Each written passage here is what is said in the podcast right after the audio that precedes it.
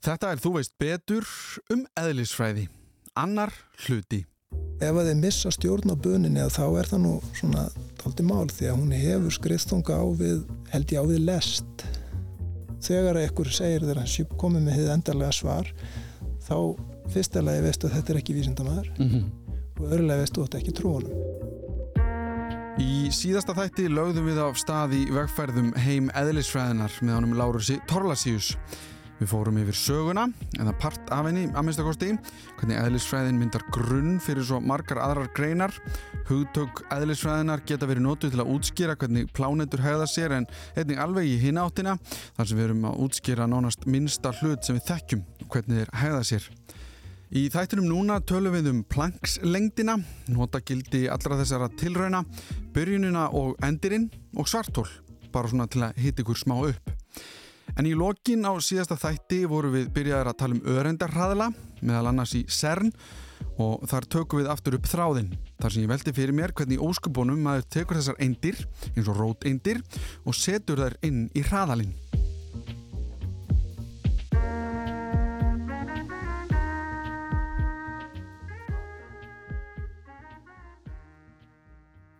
Það eru í, eru í lofttæmdu röri þannig að það er reynd að hafa eins lítið efni í það tekið, það er í rauninni þessi hvaðan er 27 km langi hraðall mm. hann er eitt samfelt vakumkerfi mm -hmm. sem hafa unni með vakumkerfi vitan og það er ekkit hann er bara lofttæmi þar inni það er lofttæmt rör og síðan er, er það er rauninni notað örbylgju svona, það eru örbylgju hólf þar sem að, það eru örbylgjur sem að ná það eru stiltar af þannig að þegar rótendin kemur í gegna þá er rafsvið, þá sér hún rafsvið sem að sparkar aðeins í hana, gefur henni meira orku mm -hmm. þannig fá þær orkuna það, það er semst úr, úr eh, örbylgi hólfum og síðan það er náttúrulega að stýra þeim, það er að ná beginni til mm -hmm. að fara ringin Af því að annars hvað? Annars bara rekast það utan í hérna. Og bara hverfa, eða bara það gerist eitthvað allt annað sem við viljum ekki að gerist? Þá rekast það bara vekkina og það, það er verða hérna, það sem þú vilt fá eru örindir, eru sem drótindir sem að ná þeim er stýrt eftir þessu röri uh, og er fá meira og meiri orku í hverjum ring sem það fara. Og það eru notu segulsvið til að stýra þeim. Já, svona svipa eins og í kjarnasamröðunum sem við erum að reyna, er það ekki? Er, er, við, við, erum að, við erum að reyna stjórna þessum litlu ögnum. Já, þannig eru ögnirna sem þeim er gefin uh, reyf orka eftir rörunu kjarnasamröðuna þá er, er það hita mjög mikið upp og þá er það bara á reyfingu svona í tvist og bast. Mm -hmm en það er segulsviðið mitt reynd, það er verið að nota segulsvið til þess að koma í veg fyrir það að rekist á, á veggina og, og, og bræðið og, og rekist bara á hvort aðra og hvort aðra, já, já. menn að þarna þá viltu fá agnirnar upp og mjög mikið það og svo af og til á, á akkurat inn í miðjum agnanemanum sem er náttúrulega risa stór mæltæki mm. þá viltu það rekist saman og þegar það rekast saman þannig eru þær komnar á það mikinn hraða að reyfuorkan sem hver af þessum ögnum hefur, hún er hún er orðið nokkur þúsund sinnum orkan sem er bundin í massa þeirra. Það þýðir að, að í einum áriðstur getur um myndað nokkur þúsund rótendir það er svona nokkur næðin það sem gerist.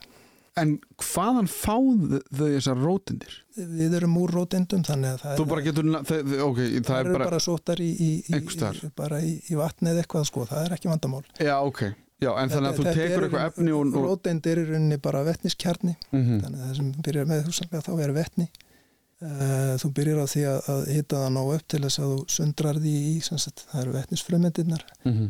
og síðan ég, ég er ekki að segja að þetta sé endilega neitt einfalt en að kunna að, að, að koma þeim af stað og síðan að grípa þær með þessum segul, mm -hmm. segulstýringu. Þú byrjar með fjöldan allan á rótendum náttúrulega í, í, hérna, í, í glasi segjum. Þú sækir kannski nokkra miljónir að þeim til að setja í þessa, þessa bönur. Mm -hmm en, en sko í einu vasklasi eru náttúrulega nokkur sinnum Avogadro tala sem er mjög stór tala af rótendum það er mjög mikið af rótendum í, Já, það er nóg af þeim. Já, þannig að Já. þú hérna þannig að í þessum agnabunum eru í rauninni þannig síðan sára fáar agnir en það er eins og að hafa svo mikla reyfu orku að ég held nú ef að, ef að þeir missa stjórn á buninni þá er það nú svona daldi mál því að hún hefur skriðstunga á við held ég á við lest. Sko þessar litlu agnir, það eru konar og svo, svo nála hljósaða að það er, það er hérna. Þannig að þetta er, þetta er, þetta er vandaverk að, að, að, að hérna hanna og, og, og þessar, þessar örunda tilhörnir er í rauninni með því magnaðasta sem að mannskefnan hefur, hefur tekið sér fyrir hendur Já og ég er alltaf að komast nær og nærði að skilja hvað það er sem þau eru að gera þarna. En það sem þau eru í rauninni að Ég, ég átta mig ekki alveg ásand ennþá hvert markmiðið er. Markmiðið er að skilja heiminn. Og hvað við heiminn skiljum við skiljum við hvernig atom verða til eða skiljum við hvernig bara þessi þessar frum eindir verða til? Það sem við skiljum er og það sem að saga þessa tilhörna hefur sínt er að við, hún, við semst erum að leita inn á við. Við vitum núna úr hverju kjarnar eru. Þeir eru úr þessum við köllum í dag kjarnindir það er svo kallar rótendir sem við vorum að tala um. Eru, sem eru einfaldasti kjarnin er, er ein rótend, það er etniskjarnin mm -hmm. svo að þú tekur helium þá ertu með tvær rótendur og tvær niftendir sem eru náskildar endir en bera reyndar ekki rafleslu mm -hmm. þannig færðu svona flóknar og flóknar í kjarnættir og setja saman fleiri og fleiri svona agnir og auðvitað eitt af því sem að sem að Elsfæðin fegst við á, á 2000-öldinu var að skilja hvers vegna er það sem að svona agnir sem hafa svona mikla rafleðslu mjög sterkur fráhrendi kraftur og milli rótendana þegar það eru komnar í svona pínulítur rúmmál eins og atomkjarna mm. hvernig stendur að því að hann, hann helst yfirleitt saman það voru einu fyrstu vísbendingar um, um það sem kallaði, eru kallaði kjarnakraftar.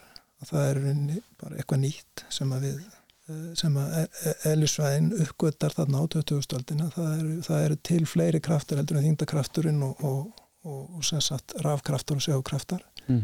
og þá eru þessi tven, tvennskona kjarnakraftar. Ég nefndi áðan veika kjarnakraftin og svo er sem að e, kemur nú við byrtingaform hans hjá okkur í daginn og aðalega í svona ákveðni gerð af geyslaverkni, svona beta geyslaverkni en, en sterkir kjarnakraftin, hann er það sem heldur þessu öllu saman saman.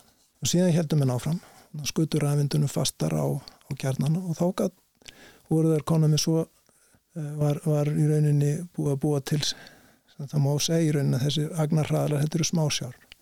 Við erum að búa til smásjár sem að geta skoða minn og minna en vandamálið er að þegar þú ferð að skoða hlutina mjög náið að þá er eðli bæði skantafræðinar og afstæðiskenningar en það kemur byrtist í því að þá myndar nýtt efni. Þannig að þetta verður miklu floknara þetta er ekki bara það að þú getur skotið rafind og séð hvað þú rekst á.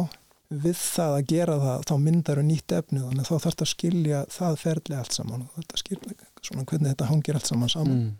það hefur náðast til mikið lárangum með það og í dag vitum við til dæmis að kjarnendirnar eins og þessar rótendir og neftendir þær eru sjálfar samsettar.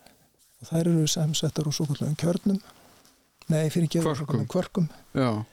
og við þekkjum mismunandi gerðir kvarka þannig að þess, þetta er svona smá saman að þá þróaðast þessi fræði verið að gefa okkur nýja heimsmynd sem er þetta viðtekna líkan örendafræðinar og í dag vitum við að allt efni sem við sjáum svona dagstaglega það er úr í rauninni bara tveimu gerðum af kvarkum uppkvarkur og niðurkvarkar mm -hmm. og ég ætla nú ekki að reyna að, að vera Þú mátt að endilega því ég er búin að lesa eins um þá Já. og ég er ekki vissum að ég átti mig almenna á þeim Já ekki að þú þurfur endilega en, en, en sko, af því að sko önnur spurningi mín er sko hvenar skiljum við eðlisfræði og skamtafræði og síðan strengjafræði ef þú skilur hvað við við, við erum svona fikkur okkur í áttað strengjafræðin við, við erum að leita inn á við.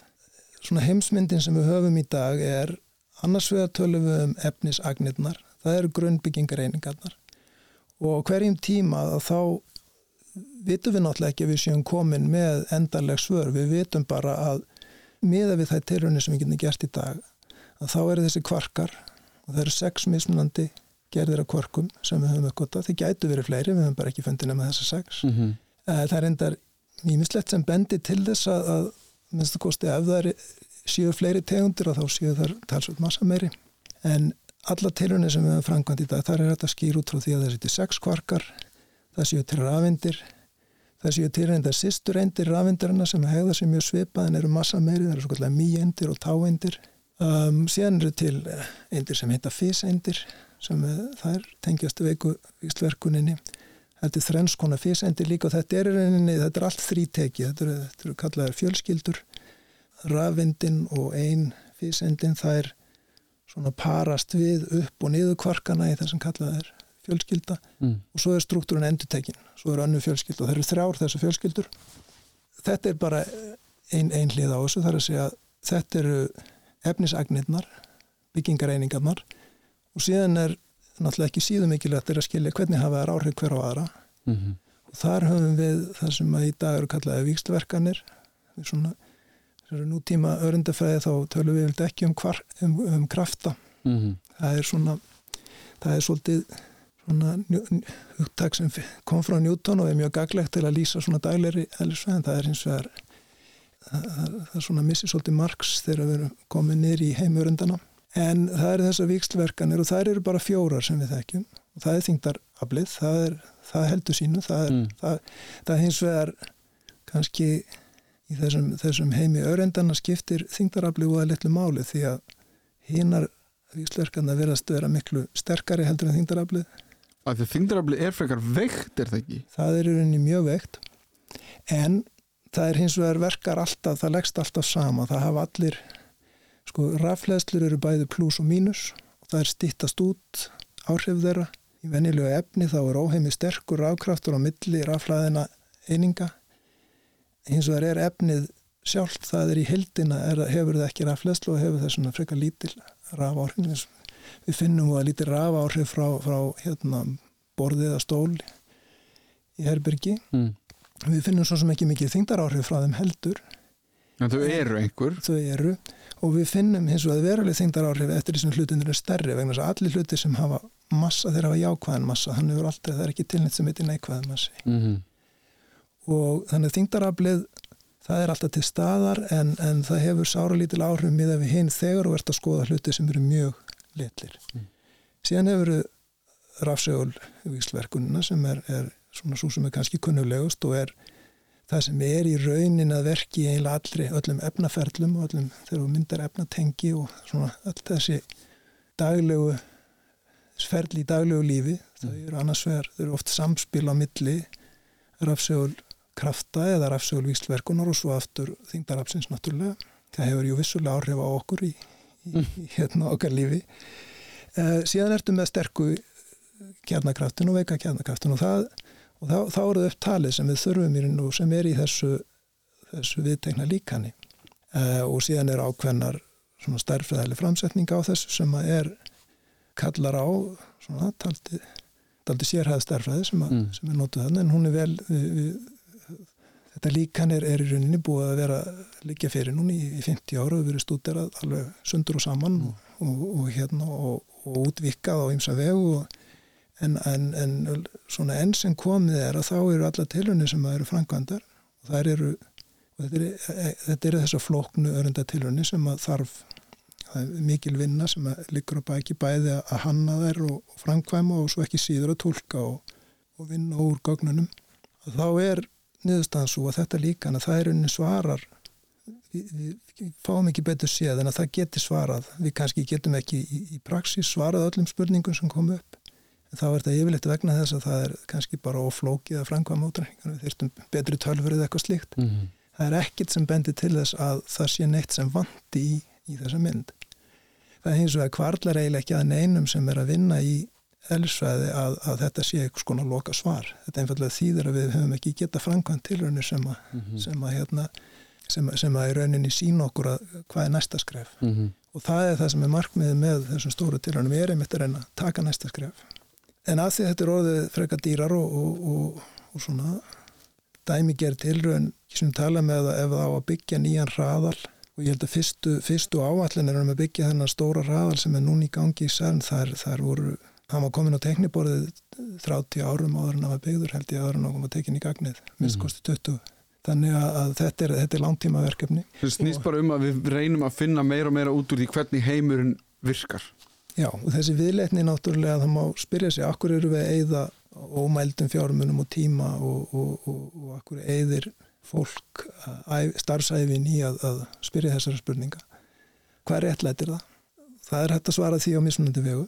Það sem rekur áfram flesta vísindamennina er nú áhín ávísindunum en það er líka samt uh, svona þessi vittneskja að í öllri sögu elsvæðinar og orðinni allra, allra vísinda að þá hefur þessi þekkingaleit, hún hefur líka í leiðinni skilað svona hagnýtingum og ég vil óvæntum hagnýtingum mm -hmm. þeir sem að til dæmis lögðu sig eftir því að skilja munin á því mismunandi raf eiginleikum efna á fyrirluta síðust aldar, skilja munin að hvers vegna sögum efni eru málmar og leiðar ramagn, önnur efni þau er eins og svo kallega tórleiðarar, þau leiði ekki og svo eru til önnur efni sem eru svona nokkuð mitt á milli sem voru aukvöld að kalla er hálleiðarar mm. Þetta var allt saman uh, fólk sem hefði rauninni bara á, var ekki fyrst og fremst á, áfram því að það langaði til þess að vita skilja munin á þessum efnum. Eh, í dag náttúrulega þá hreyfum við okkur ekki spöðum frá rassi að þess að nota tæknina sem er algjörlega byggð á þessum, mm -hmm. á mhm. forvitni þessa fólks.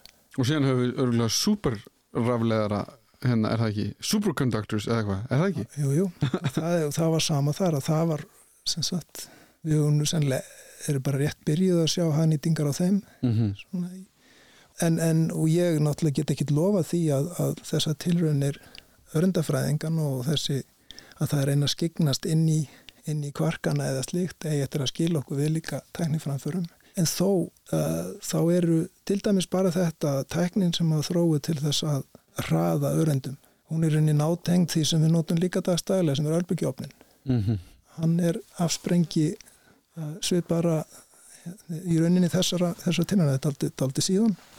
Og það er kannski það sem er alltaf tilfellið að það, það, að það líður tími frá því að, að grunnrannsóknir eru framkvæmdar þanga til að hagnýtingarna komi ljós. Og þegar er verið að vinna í grunnrannsóknunum að þá getur verið að menn hafi óljósar hugmyndir um hvernig þeir alltaf hagnýta niðurstöðunar en oftar en ekki að þá er það eitthvað sem í rauninni kemur setna og er alveg óvænt. Mm -hmm. Og þá sérstaklega við um svona þessa grundvalla spurningar eins og á þegar fólk var að þróa skamtafræðina og, og, og beitinni til þess að skilja efni eins og þess að ég var að tala um áðan. Mm -hmm. Þetta var ekki fólk sem að í rauninni hafði neitt mjög skýra hugmyndum hvernig þetta gæti nýst í framtíðinu. Vissulega þá voru svona undartekninga frá því. Ég held til dæmis að kjarnælisvæðingar þegar þeir uppgötuðu uh, kjarnasundrun og þá leði náttúrulega ekki langu tíma að þeir átti að því að þetta gæti haft bæði mjög hagnýtar afleðingarna líka mjög hættulegar mm -hmm. og það kom sér í ljós kom svo belli í ljós, já, já. en svo rættur önnu dæmi til dæmis þessum voru að hanna og skilja eðlisæðina bak við smáran eða transistorin ég hef, hef nú fyrir sagt að þeir hafi í raunin alveg gæsti grein fyrir því að þeir, þetta myndi breyta heiminum mm -hmm. Og, og það var í rauninni þau voru að vinna markvið staði að finna að, í rauninni já, að, að smíða eitthvað sem að myndi gera það Já. þannig að það, það er svona þetta, þetta er, síðan getur við velt fyrir okkur sko, hvað hva, hva endar þetta með, með, með þessar ég finnst nú líklegast að, að, að endar á örundafræðin og hún er að segja örundafræði tilraunir að nema að komi til einhver algjörlega ný tekni að þá sé ég nú ekki að, að það gengur ekki eða í rauninni það ræður ekkert e, e, er nú þegar orðið þannig að einstök þjóðríki er, er rauninni treysta sér ekki til þess að reyka öðrundar hraðala af svona þess, mm. þar sem þú getur búist við því að, að, að virkilega komast að ekkur alveg nýri grundvalla þekkingu eða það eru minni hraðlar og, og, og sem er nú vissilega samt mjög öflugtæki þeir eru reknir við það þannig að til þess að verði framþróun í þessum tilhörnum held ég að við þurfum að sjá alveg svona ykkur að öðru vísi tæn og það er svo sem ýmsar hugmyndi sem við erum að vinna með og það getur vel verið að það er bara eftir að, mm. eftir að gerast.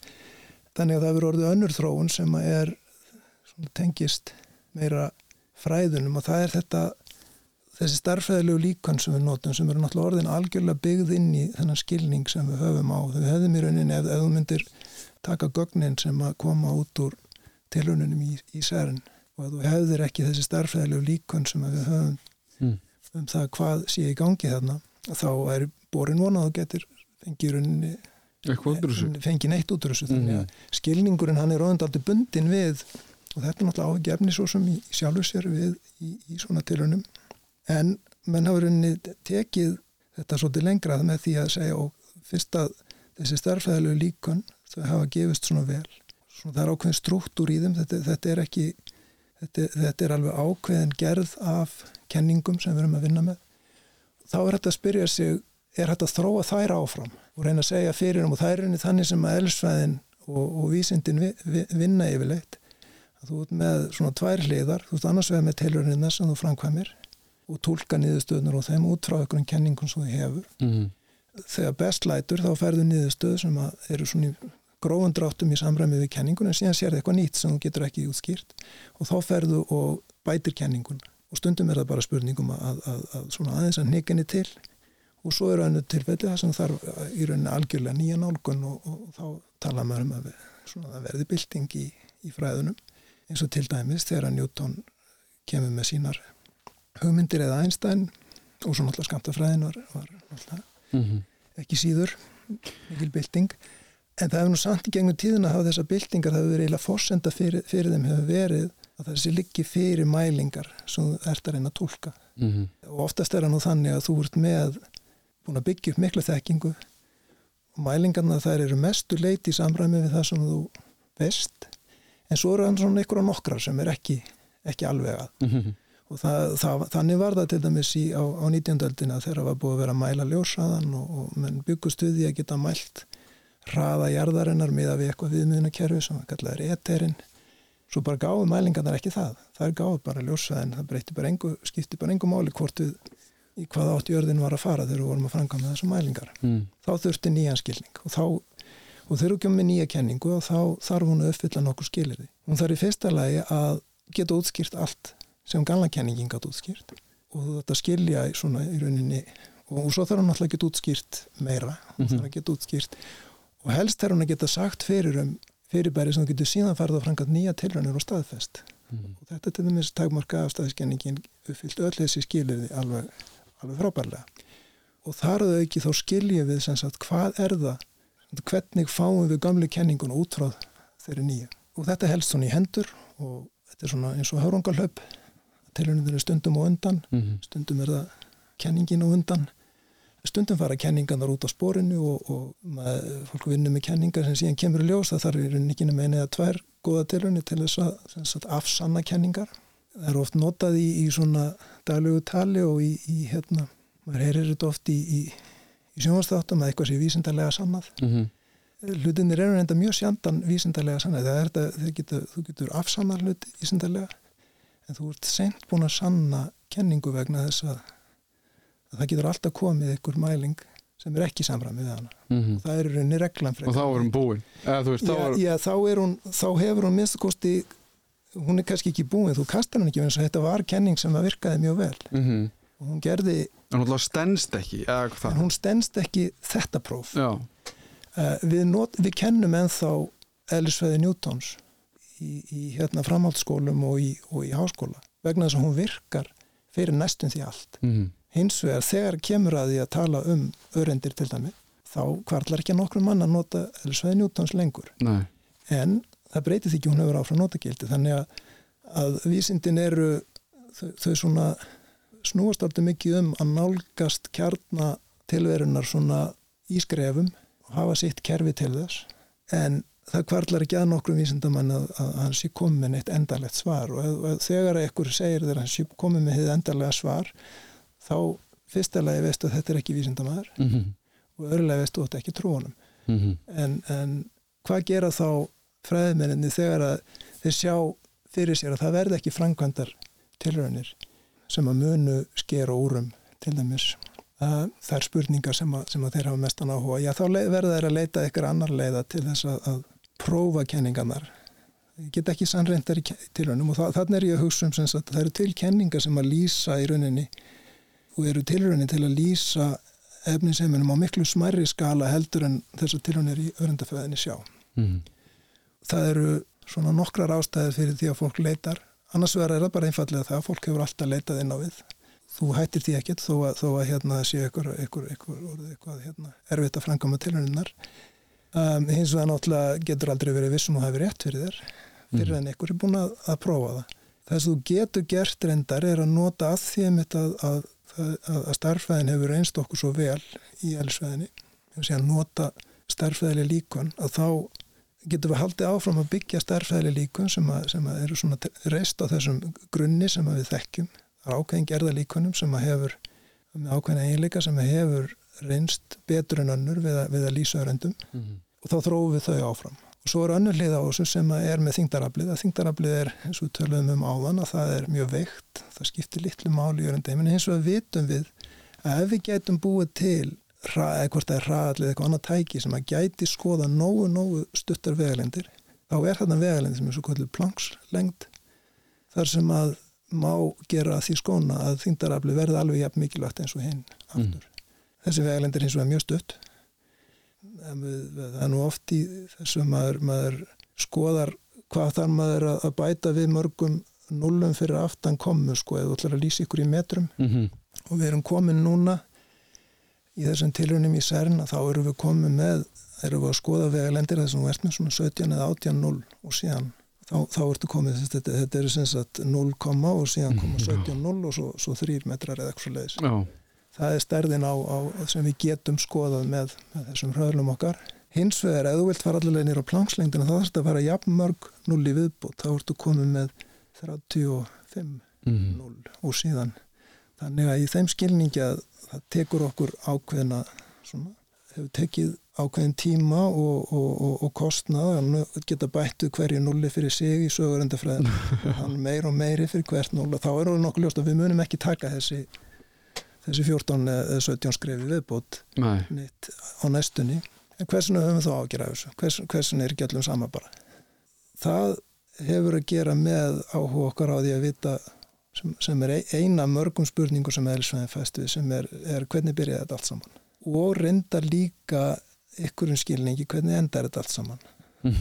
og hérna það er að segja ef að og það eru fyrir bæri sem að þú varst nú búin að ræða við annanum sem eru svartólinn það er ljóst að ef að maður er svo öppin að lenda inn í svartóli og þá mun maður í ekkit svo fjarlæri framtíð nálgast það sem kallaði sérstæða en í svartólinu Það er singularity, er það sérstæða? Já, já.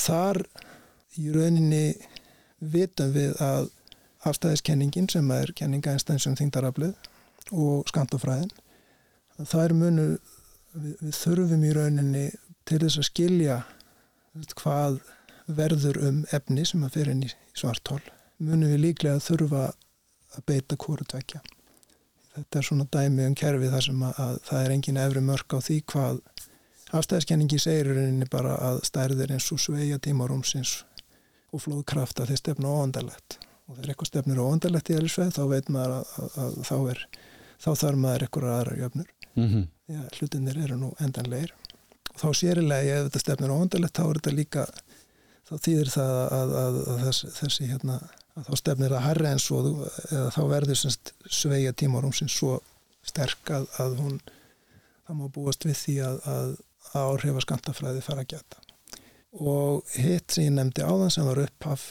upphafið á þessu öllu saman að þá segir afstæðiskenningin okkur líka nokkuð óvíkjandi að alheimurinn hann er að, hann er að þennjast út í dag hann á hugsanlega eftir að þennjast út kannski jafnvel hraðar og hraðar mm -hmm. en í öllu falli þá er hann að þennjast út í dag og það er fyrir löngu síðan, en við vitum svona nokkur neginn fyrir hvað löngu síðan, að þá var hann í rauninni mjög þétt og heitu ástandi sem var þéttar og heitara heldur en heldur en verið að segja kjarnanir sem er, eru inn í okkur, þéttari heldur en kjarnanir í okkur sjálfum mm. í dag. Uh, við þekkjum nú ekki söguna neitt kannski lengra en það, en þó að þá minnst að kosti meðan að afstæðiskenningunar sem sagt nýtur við ef hún væri í lokasvarið um þýndaraflið að þá hefði hann sprottið fram úr ástandi sem var í rauninni kursu þétt sem var sem að fyrir reynir að fara lengra og lengra aftur mm -hmm. þá, þá verður bara þéttikinn herri og herri það er náttúrulega álíktunum sem að Elisvenga draga þessu er ekki svo að það hefur verið óandarlega þétt ástand og við tölum stundum um þennan mikla kveld mikla kveldir er rauninni meira það að efnið hafi allt verið á formi og alheimurinn allur á, á þéttleika og við kjarnar er alveg nót til þess að kalla það mikla kvöld. Mm. Það eru hanfæri sem eru meira heldur á nokkuð sem að getum ímynda okkur. Já. En að það hafi verið óendarlega þétt, það er náttúrulega höfum við ekki, er, er, er engi sem heldur því fram. Og þá er spurðingin úr hverju spratt þetta allt saman fram. Og þá þartu kenningu sem að aftur tekur við af afstæðiskenningunni. Og svo kenning, hún væntarlega Já, það svona, er það sem er við gerum ráð fyrir er þá kenning sem er eitthvað svona skamtafræðileg kenning sem að lýsir jafnframt þingdaráhrif og þetta er svona fyrir marga sem er í, í þessum geira fræðilega elsvæði, þetta er undar ekki alls ekki meiri hluti elsvæðinga, þetta er freka fámennur hópur innan elsvæðinar mm. það er miklu fleiri sem er að fást við hagnýta hluti og reyna, reyna hérna, að finna efni sem að hafa áhuga að verða einlega og annað. Sens þessi viðleitni sem er nú svona framhald af, af, af þróun nýjörndafræði og, og þessari þróun að reyna að skilja hlutina inn á við að þeir eru reyna að leita að kenningu sem getur líst bæði eða þingdar áhrifum og, og, og skandafræðilegum áhrifum. Mm. og okkar besta kenning í þess að veru í dag er, er svo gutur strengjafræði en það er nú efni í alveg annan þátt. Já, ég er að vinni því. Það, hérna, en það er mjög áhugaverð kenning fyrir okkur sem erum að fást við þessa hluti. Ég skrifaði mitt mína dóttursveitgerð í strengjafræði mm. sínum tíma og hef í rauninni svona meir og minna unnið ímist, ímist að fræðilegri vinnu sem snýra þér en að í rauninni áttugráði hvernig getum við hvaða leikreglur eiga gilda á, í, í, í slíkri kenningu mm. og til þess hefur maður notað eiginlega notað svartól sem tilhörnum, svona fræðilega tilhörnastofur þar sem maður Það er svo Helgi Már saði sko, þetta er svona dótakassi svartólinn, þú getur hend einhverju inn já. og það er allskins einhvern veginn sem maður getur prófað sig með Já, já, og það eru til mismunandi gerðir af svartólum og það eru til mismunandi kenningar sem að hafa mismunandi löstnir. Mm -hmm. Þannig að það verður ansi mikið að, að minni vinnu, einmitt svona, minni rannsóknarvinnu snýstum, kannski frekar, þetta er mjög sérhæft að setja snýra að fyrirbærum sem að í rauninni við getum ímyndað okkur en getum illa framkvæmdina til rauninni til að, til að hérna, prófa og það er vissulega ágefn að maður getur verið að hefur starfið í rauninni snúist um starfæðilega pælingar sem hefur sér ekki stóð í náttúrunni, það er. Mm -hmm. En ég er nú samt trú á því að einmitt út af því hvaðan þessar kenningar koma og aðferðafræðin sem við notum og þá jafnvel þó að akkurat nákvæmlega þessar kenningar eigi ekki eftir að vera og loka svarið en eitt slíkt og enda, enda eins og ég sagði á þann og þá erum við ekki að leita að loka svarið heldur ykkur, allt, við erum bara að reyna að auka skilningin að þá er aðferðafræðin og, og, og svona svo starfræði sem við erum að vinna með að hún, hún mun skilir svo hefur nú þegar skila sér yfir í önnur svið þar sem að, að, að hérna, hún, hún nýtist má eiginlega segja að það er ekkit sem heiti fánýtur fróðleikur. Fólk finnur alltaf leiði til að nýta fróðleik alveg sama hvaðan hann kemur. Nú höfum við farið yfir víðan völl, öðreindar hraðlar, mikli kvellur og viðtekna líkan. Það er kannski fínt að minnast á að þetta viðtekna líkan mun byrtast okkur aftur í þáttum sem ég er að vinna um strengjafræði sem Lárus nefndi rétt í þessu. Þar spilar líkanið líka stóra rullu en við látum þar við sitja og ég byrð ykkur um að býða spennt eftir þeim þáttum. Því þeir verða að mista okkur til tveir og eru líklegir til að snúa heilanum á okkur á kvolf. En þá er líka fínt að það síðu þættir á leðinni líka um heilan svo allt helst þetta í hendur. En hvað með það? Í lokin langaði mig til að ræða þessum framtíð eðlisfræðinar. Eða kannski hvort að sé raun hægt að afmarka spurninguna á þann hátt þegar það virðist sem svo að þegar þú talar um eðlisvæði sért í raun að tala um margar hluti í einu.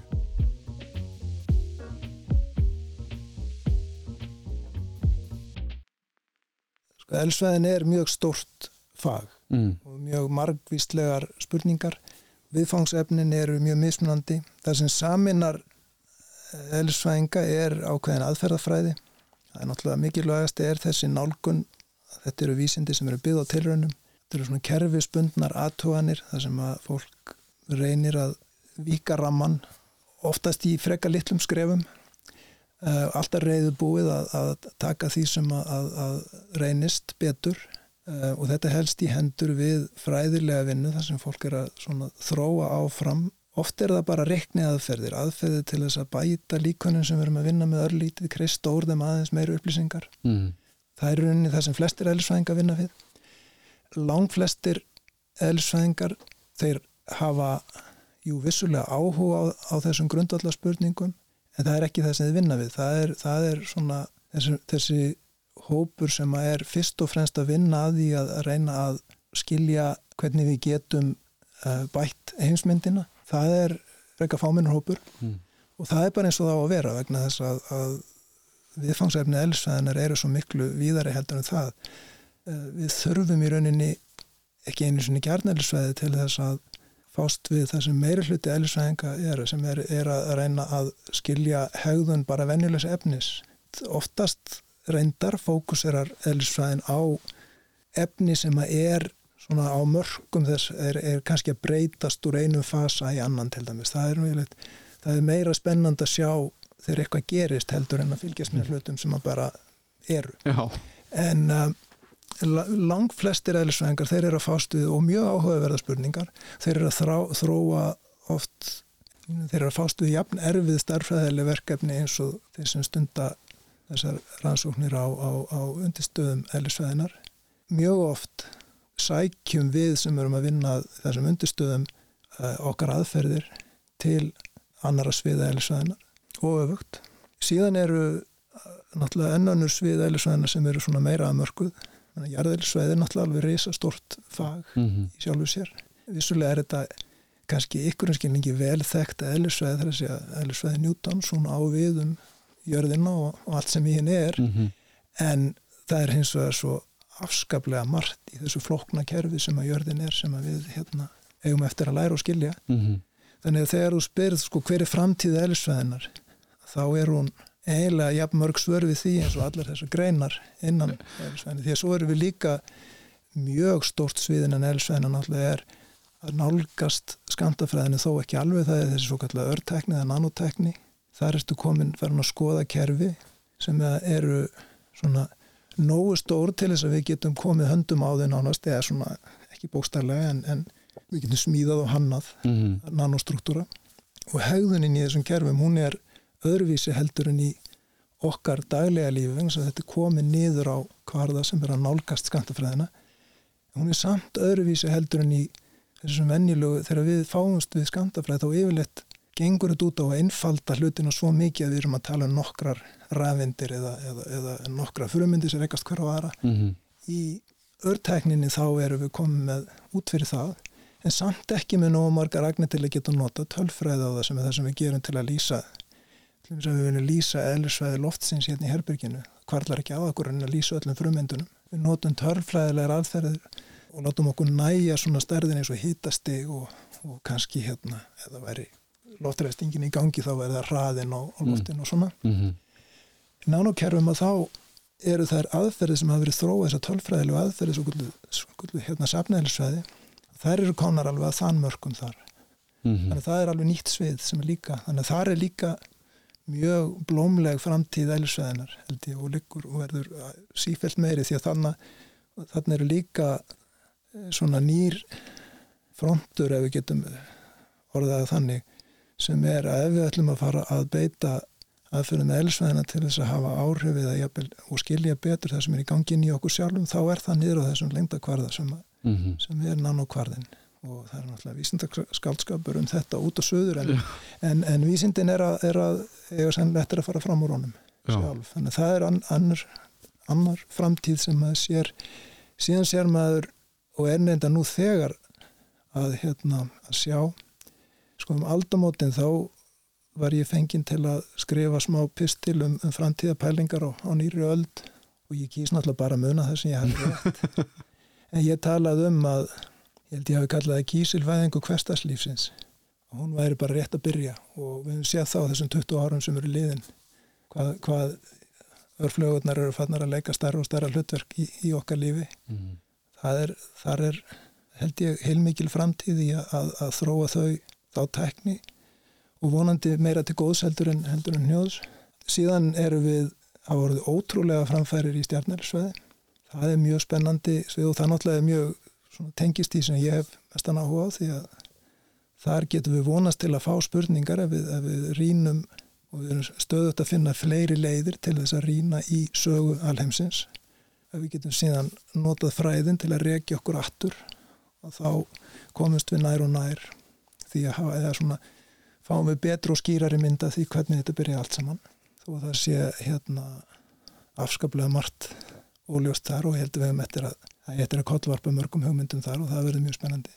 Þannig að það eru er hérna og síðan er náttúrulega öryndafræðin sem, a, sem að við erum búin að tala um talsveit þessi leitinn á við. Mm -hmm. ég held að henni sé ekki lokið fólk mun finna leiðir þó að kannski þessi, þessar aðferði sem að hafa gefist okkur best hinga til að þær eru svo kannski komnar á að nálgast leiðurenda, það er orðið mjög dýrt að búa til mm -hmm. stærri og stærri hraðla og reynda að verði líka bara erfiðar og erfiðara eftir því sem þú ert með að, hérna, að, að henda reyður á því sem er að gerast sko. það, það verður svo flókið ferlið Það, sko, þannig að eiginlega niðurstað mín í þessu er bara að eðlisfræði er mun stærra fag heldur en ég nokkur tíma gerði mér grein fyrir. Já, er það ekki bara? Ég held það. Og hún náttúrulega, og svo er náttúrulega er hún, það sem ég er að gera, segja hérna líka er að hún tengist svo mörg öðru.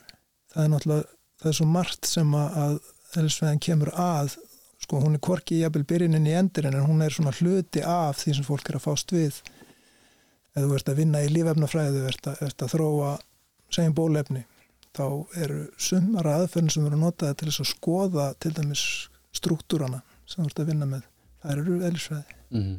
Þannig hún, hún hefur hænýtingar út um allt. Þannig ég held að fjantíð eðlisfræðin er, er, hún er björnt. Það sem saminar eðlisfræðinga er ákveðin aðferðafræði, vísindi sem eru byggð á tilraunum kerfisbundnum aðtugunum þar sem fólk reynir að vika ramman og er alltaf reyðbúið til að taka því sem reynist betur. Lárus spáði fyrir um kísilvæðingu hverstagsins sem er raunveruleiki sem við lifum í ákvörðat núna. Nánast ekkert sem við gerum væri mögulegt án framþróunar sem hefur orðið vegna forvitni eðlisfræðinga eða tengdra greina. En svo oft vil vera með sum viðfangsefni þá verast svörin vekjup fleiri spurningar og það er augljóst að það er mikið eftir ólært og kannað. Þess vegna nánast ómögulegt að segja til um hver framtíðin sé nema auðvitað bara björnt og við látum það svar næja í byli. Ef þið hafið áhuga á því að kynna ykkur hluti eins og skamtafræði, leikur beinast við að benda á tvo þætti sem ég gerði um þá fræðigrein fyrir einhverju síðan og eru aðgengilegir hver sem er. Við setjum hins vegar punkt hér varðandi eðlisfræði og vil ég þakka Láresi Torlasíus kærlega fyrir komuna fyrir að kafa ofan í þetta með mér og útskýra.